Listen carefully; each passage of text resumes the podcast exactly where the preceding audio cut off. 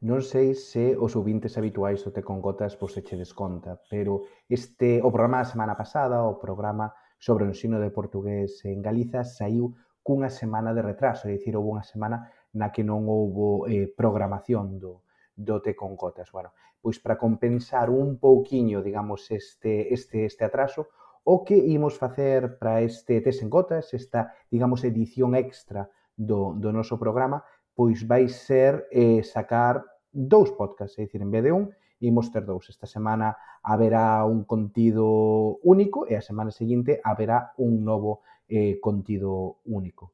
E nesta ocasión, pois para seguir afondando un pouquiño máis na cuestión do, do portugués do, no, no, no ensino e, e a utilidade do portugués a partir do galego, pois pensamos que sería de utilidade compartir con todos vos a entrevista completa que lle fixemos eh, a Enrique Sáez pro, pro programa anterior. Pero a ver, Miguel, lembranos un pouquiño. Quen é Enrique Sáez e por que decidimos eh, falar con él? Pois Enrique Saez foi director xeral do Banco Pastor até o ano 2003 e, con anterioridade, foi o responsable da expansión desta entidade financeira no mercado portugués. Precisamente, pois foi nesa experiencia cando descubriu en carne propia a utilidade do galego para se comunicar no país veciño e para facer negocios tamén ali. Eh, actualmente é o presidente da Fundación Juana de Vega e tamén presidente do grupo Torres y Saez, unha compañía de suministros industriais e bricolaxe moi coñecida en Galiza. A verdade é que os anacos da conversa que tivemos con el e que reproducimos note con Gotas tiveron bastante éxito entre a nosa audiencia, con moita xente compartindo pois as súas palabras en redes sociais, así que pensamos que sería interesante compartir con todos vos a conversa enteira. Isto foi o que nos contou lera nun artigo precisamente no de, no de falar a gañar que dicías que a pesar de seres unha persoa que fora educada en español, pois co tempo e a experiencia que viviches eh, especialmente no Banco Pastor, pois que levouche a darte conta da importancia e da utilidade do galego. Entón, como foi ese percurso eh, persoal de descubrir pois que o galego era unha ferramenta útil tamén no profesional e no empresarial? Eh, Xurdeu, cando empecé a ir ali a, a, a dirixir, a primeiro negociar, tivemos como parceiro na primeira etapa o Grupo Sonae, do empresario Elmiro Acevedo, que dos máis importantes de, da historia contemporánea de Portugal. Entón, dime conta de que saíame falar galego, xa digo, aprender a galego, eu sempre tiven ideas galeguistas, desde que volvín traballar aquí despois de estudiar fora, eh, colaborei con partidos eh, durante a transición, eh, procurei ler e falar coa xente que falaba galego eh, e fun desenvolvendo unha capacidade de falar no? e logo de escribir. En Portugal axudoume moito, pois sí, eh, eh, insisto sempre no mesmo, falar o idioma do outro abre moitas portas. O sea, todos poden falar en inglés, pero falar o idioma do outro eh, é fundamental tanto no plano comercial. Se si vas vender algo, como tamén para crear equipos, para motivar, para saber o que a xente pensa. A xente fala con máis naturalidade na súa propia lingua. Non? Eh, e eu empecé a falar galego, fun collendo o sotaque deles, e ao pouco tempo eles pensaban que falaba portugués, mas non, ah, falaba galego con sotaque portugués. Vale. E hai que falar linguas próximas. A veces se dixe, exixe un pouco, pois pues eso, ter un pouco de valor e un pouco de ouvido tamén. Son, con esos elementos co galego manexaste moi ben en canto estivas ali traballando. Eu iba todos os meses durante 12 anos. Eh? O sea, iba, non é que fora, iba un par de días. Pero o equipo era eran directivos portugueses, o director xeral era tamén portugués, e eu falaba con eles naturalmente. Eles non facían ningún esforzo especial para que eu entendera. Falaban con naturalidade. Eh, e a miña experiencia persoal Eh, e xa digo, co, co, cabagaxe de, de, de ser educado en castelán e de chegar ao galego, sempre digo que aprendín o galego despois do inglés, cosa que non son unha persoa moi normal. Pero eh,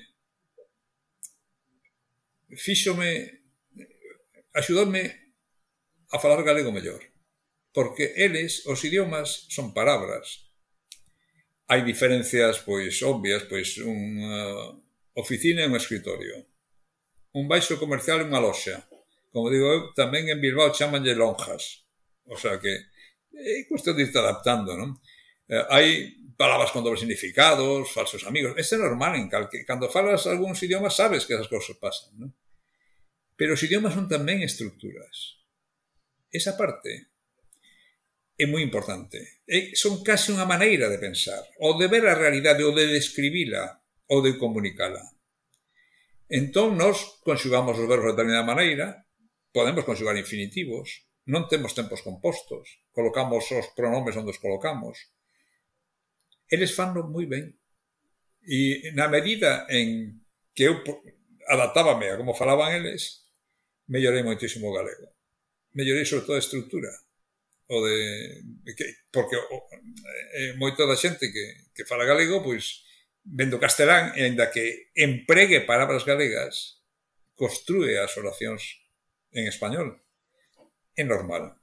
Pois alín a parte de estrutura eh, aprendí na veume moi ben. Mellorei moitísimo o galego a base de practicarlo nun sitio que a lingua habitual dos negocios e falei con todo, eh, con abogados, discutín todo tipo de temas, con clientes, con empregados, con, con todo tipo de persoas. Fixe a, hasta unha rolda de prensa en, en Évora, presentando un cartón que lle fixemos a Cafés Delta, o líder do café en Portugal. O sea que, de todo, en galego. Quero decir, eles pensaban que falaba portugués, sí.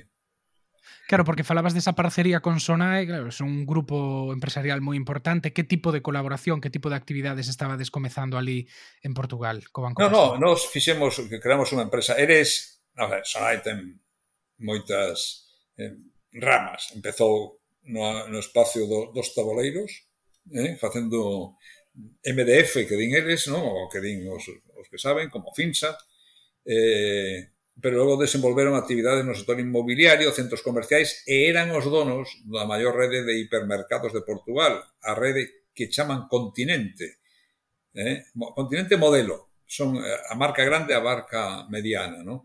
Eh, pero bueno, no, eh, eh, eles querían desenvolver un sistema para financiación de consumo e nós tiñamos unha financeira que presidía eu, eh, eu levaba unha división que se chamaba de banca especializada, e, e bueno, pois eh, contaron con nós, probablemente porque éramos galegos, tamén estábamos perto, e creamos unha sociedade conxunta.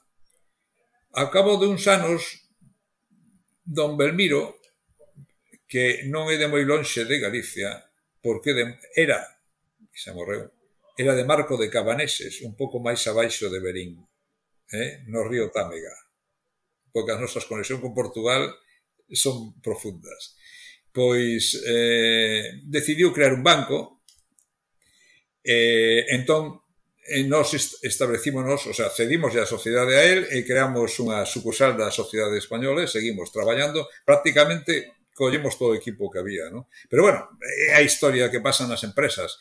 Con eles fomos ali porque eles tiñan unha gran presencia na distribución, eh, eles nos, nos hipermercados tiñan o que eles chaman bazar pesado, Es decir, vendían ordenadores, vendían pues eso, electrodomésticos, móveis, eh, viñanlles ventas, sistemas de, de financiación de consumo, eh, car un cartón específico para que a xente pudiera comprar ali, eh, nós éramos especialistas en todo ese tipo de cousas.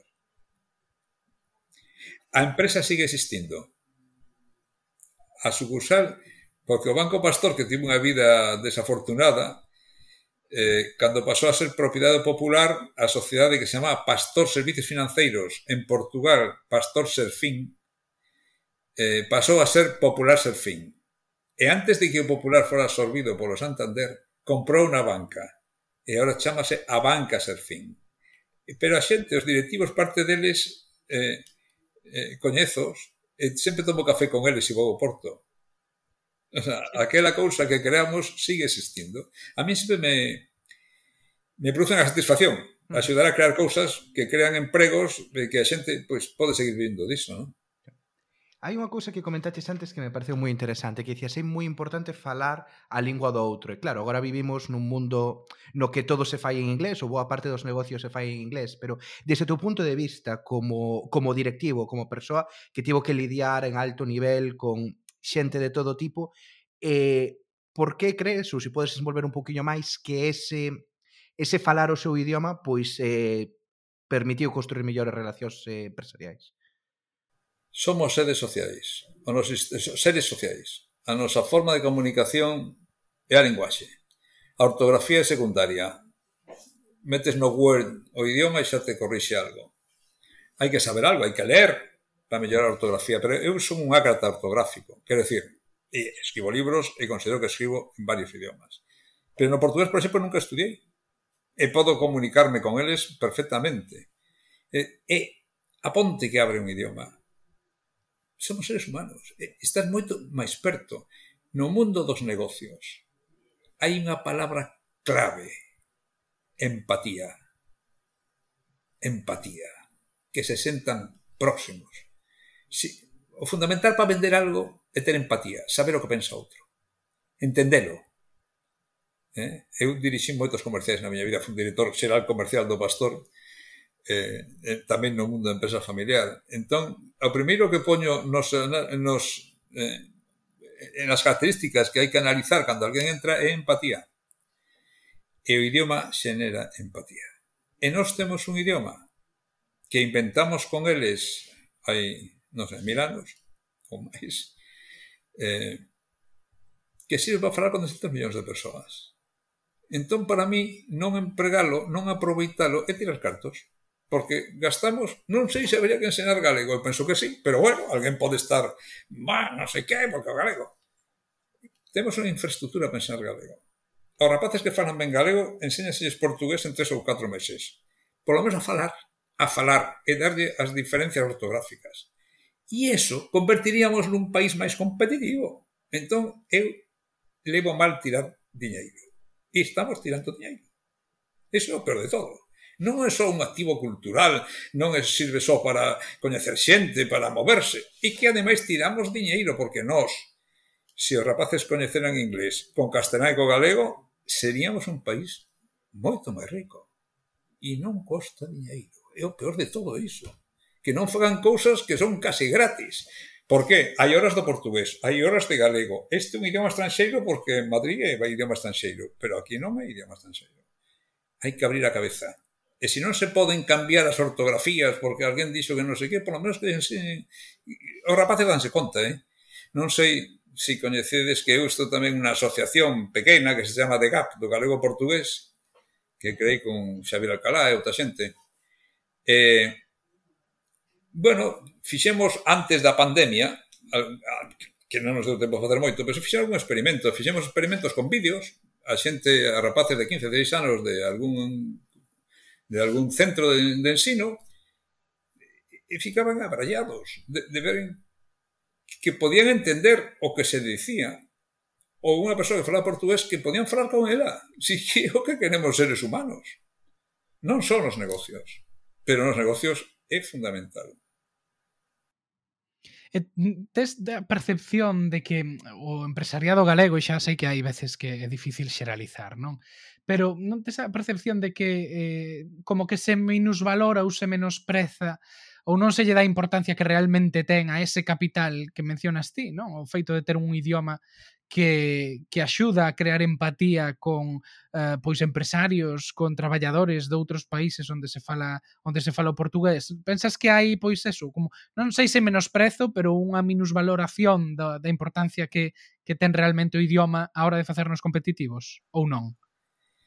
Obviamente, sí, hai moitos empresarios que non lle dan importancia ao galego porque están contaminados con esa idea de que é un idioma da aldea, que non sirve para nada, que está esmorecendo E sin, eh, hai moitos que pensan así, tamén hai outros que non. De feito, cando contei antes o, unha xuntanza na que asistiu o presidente Feijó e o conselleiro de, de Cultura, eh, está organizada polo Foro Peinador, que é de empresarios con mentalidade galeguista, e foi onde me aplaudiron cando plantexei isto, non? estou falando aí non sei, oito dez anos. E, e, e eso hai os que Pero se explicas a xente as cousas, a xente entende, hai moita xente. O sábado collín un taxi en Narón para ir a Ferrol. Collino porque iba a facer esa etapa do Camiño de Santiago. Eh, deixei o coche en Narón, eh, perdón, sí, en, en, en Neda, en Neda, perdón, en Neda, eh, eh, collín un taxi. O taxista falaba galego natural, era de Neda, estaba totalmente de acordo co do, co do que tiña facilidade para falar cos portugueses. É dicir, é que calquera que se preocupa de eso dase conta. É o típico tema que dos vosos obxectivos de poñer en, en valor cousas das que non se fala bastante ou que non están asumidas, este en Galicia quizáis sexa o activo máis fácil de poñer en valor e que nos diferenciaría moito. E sería bo para España, porque aquí eses debates non, non, non, son unha tontería, pero é que podería haber, non sei, eh, xente galega axudando en Mozambique, o sea, se España ten que mandar xente, ou, ou en Angola, é que o galego falase en todos os continentes, prácticamente. Temos aí a Timor no, no, no Pacífico, no? O a Goa. E, eh, e, eh, eh, e mesmo enténdenos a nos mellor ás veces que os portugueses, porque falamos máis aberto. Pasoume outra anécdota estando na, na, na illa eh, de Santorini, en Grecia, coa miña muller, bueno, vin que un casal novo que din eles, estábamos facendo fotos un a outro, non? Dos, dos xóvenes. Eh, entón, ofrecíme a facerlles unha foto aos dous, aquel extraordinario a paisaxe, aquel extraordinario paisaxe, eh, entón, como vin que ten aspecto latino, preguntelles, pois eso, de onde eran, e dixeronme que de Brasil, de Sao Paulo. Ah, entón empecé collendo a miña versión do galego un pouco máis axegado ao portugués e empecé a falar, ah, bueno, son de Galiza, Galiza que está en España, está no, riba do Portugal, non tiñan nin idea de onde viña o portugués ni onde estaba. San Paulo é moi grande. Pero antes de partiren, eh, o rapaz dixome, eh, moito obrigado, e, e voulle ser a vos unha coisa, entenda vosé moito mellor que os portugueses. Un brasileiro de Sao Paulo nunha illa grega. Si, isto non é un activo para un país. Non sei que activos hai. Este activo, ademais, é gratis. Eso, quizáis por eso. Hai demasiada xente que vive de que o idioma é diferente, non? Está ben. Eh, claro, eh, bueno, era un tema que mencionabas antes, ¿no? O que, o que comentabas de a túa, a túa hipótese ou teoría de por que en Extremadura uh, hai máis claro. Eh, estudantes de portugués do que do que en Galiza. No, bueno, eso é un argumento que se di, ¿no? Cando saliu a lei Paz Andrade ao pouco tempo, pois comentaban os responsables da Xunta de que era unha pena que a xente aquí non se apuntaba portugués, que, que en Extremadura había moito máis interese, a xente apuntábase, eu sempre que leín a lei devagar, pouco a pouco, eh, dixenlle que o artículo 2 montado para alguma maneira proteger intereses corporativos, decía que a Xunta ensinará portugués desde as súas competencias en linguas estranxeiras. O portugués aquí non é lingua estranxeira, digan o que diga a legislación. A xente sabe. Os rapaces, se lle dis que ten que apuntarse ao portugués que o poden que se dan conta que máis ou menos entenden, o alemán, apúntanse a alemán porque o alemán sí que lleve, eh, estudiar alemán necesita cinco anos, ou chinés, ou, ou ruso, ou francés. Eh, por eso, pero en Extremadura sí é un idioma estranxeiro. Como non teñen nin idea de portugués, pois apúntanse como se fora francés. É normal, por eso en Extremadura apúntase máis que aquí porque ali é un idioma estranxeiro e aquí non é. Non sei se estranxeiro, medio estranxeiro ou descafeinado, non teño nin idea, pero é un idioma co que podemos comunicarnos, non? Esa é a razón. E desde teu punto de vista que se podería facer ou que falta tanto desde institucións públicas como institucións privadas pois para intentar fomentar que haxa un maior achegamento porque aínda que efectivamente, como dis, sí que temos máis moita máis facilidade para entender eh, o portugués, tamén hai moita xente que, que vive moi de costas a, a, esa, a esa realidade, non? Eh, entón, que crees que faltaría por parte tanto dos poderes públicos como do sector privado para intentar potenciar eh, un maior coñecemento e entendemento do portugués? Pola pequena experiencia desa asociación que se chama do galego ao portugués, de GAP, uh -huh. o Burat, os faredas inglés, de GAP. Temos un GAP do galego ao portugués de Gap. Como son ácrata ortográfico, soben, non hai que facer nada máis que ensinalo. É que os rapaces danse conta, os rapaces e rapazas, a xente nova, dase conta inmediatamente de que é un instrumento fundamental. Hoxe en día, estáis todos moi comunicados, o vosso caso é paradigmático, estades en Londres, estades aquí, traballas con xente de outros países, pero eh, non hai que explicarlles nada hai que simplemente decirlo e xa verás como os pais se dan conta de que é importante. Teño moitas anécdotas con isto, non? O fillo duns amigos míos, unha señora que foi compañeira miña de estudios, pero tamén eh, e o seu marido era un alto cargo da xunta, hai xa moitos anos, o seu fillo que fixera un máster fichou no o Skandinaviskan Skildabanken de Estocolmo porque falaba galego e viñalles ben xente que puderan mandar a Brasil. Vale, En Estocolmo saben, non? No, é que esta...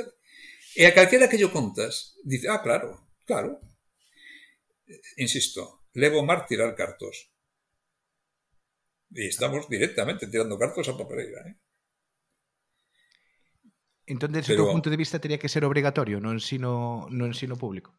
Sí, a parte final do a parte final, non, pero es que tampouco pediría que se ensinara desde empezando por os ditongos, por no, que ao final haya, haya un curso ponte o último curso, ou seis meses, ou a mitad do último curso do bachillerato, pero eu non son experto en educación, pero penso que como se pode aprender eh, pronto, pois habería que, que facelo desa maneira, non? Facer un, no último curso de, de, de galego explicar a diferencia de portugués e desenvolver a capacidade de comunicación con conversas que veña alguén aquí está cho de portugueses brasileiros e caboverdianos de país, é dicir, traer a ali que falen, si, si que non é máis que desenvolver unha actividade, unha actividade innata que ven incorporado o galego.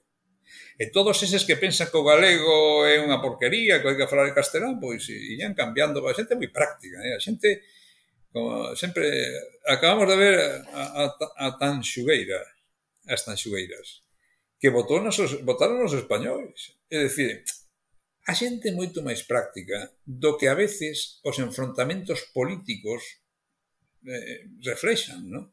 Eh, está ben o que facedes vos. Tratar de poñer de spotlight, eh, como aquel equipo do diario aquel de Boston, en temas que non, que non se ven, que non se ven e que están aí